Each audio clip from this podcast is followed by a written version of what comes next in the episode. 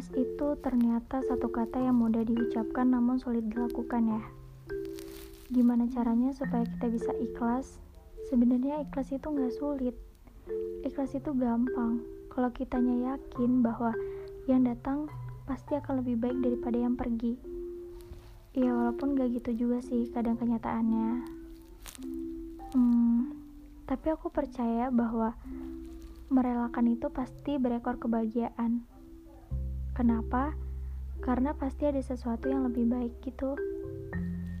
Dunia udah menjanjikan itu, jadi harusnya kita udah paham dong. Dan harusnya kita percaya akan hal itu.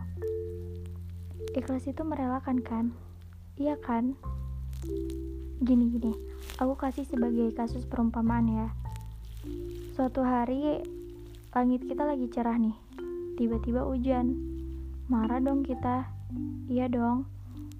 Dan kenapa sih yang lagi baik-baik aja bisa harus punya masalah sama kawannya sendiri? Kenapa kita nggak bisa hidup aman dan bahagia seperti apa yang kita mau? Kenapa dunia selalu memberi kita cerita yang jalan ceritanya dan alurnya itu nggak pernah kita ingin untuk kita jalanin? Kenapa saya dapat alur cerita yang kayak gini?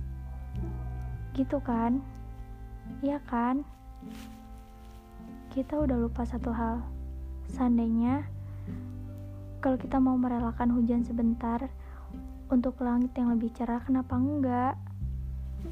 Seandainya kita tahu bahwa setiap masalah udah disiapkan jalan keluarnya oleh Tuhan. Begitupun yang sudah hilang.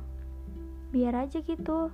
Dia tenggelam, toh seiring berjalannya waktu suatu pilihan satu persatu muncul yang baik bakal dihadapkan dengan yang baik.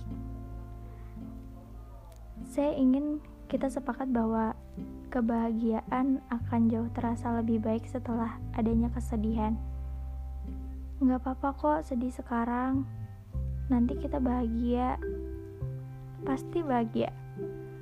Nggak apa-apa ya hujan sebentar, Bentar lagi kita bakal lihat pelangi kok. Oke? Okay?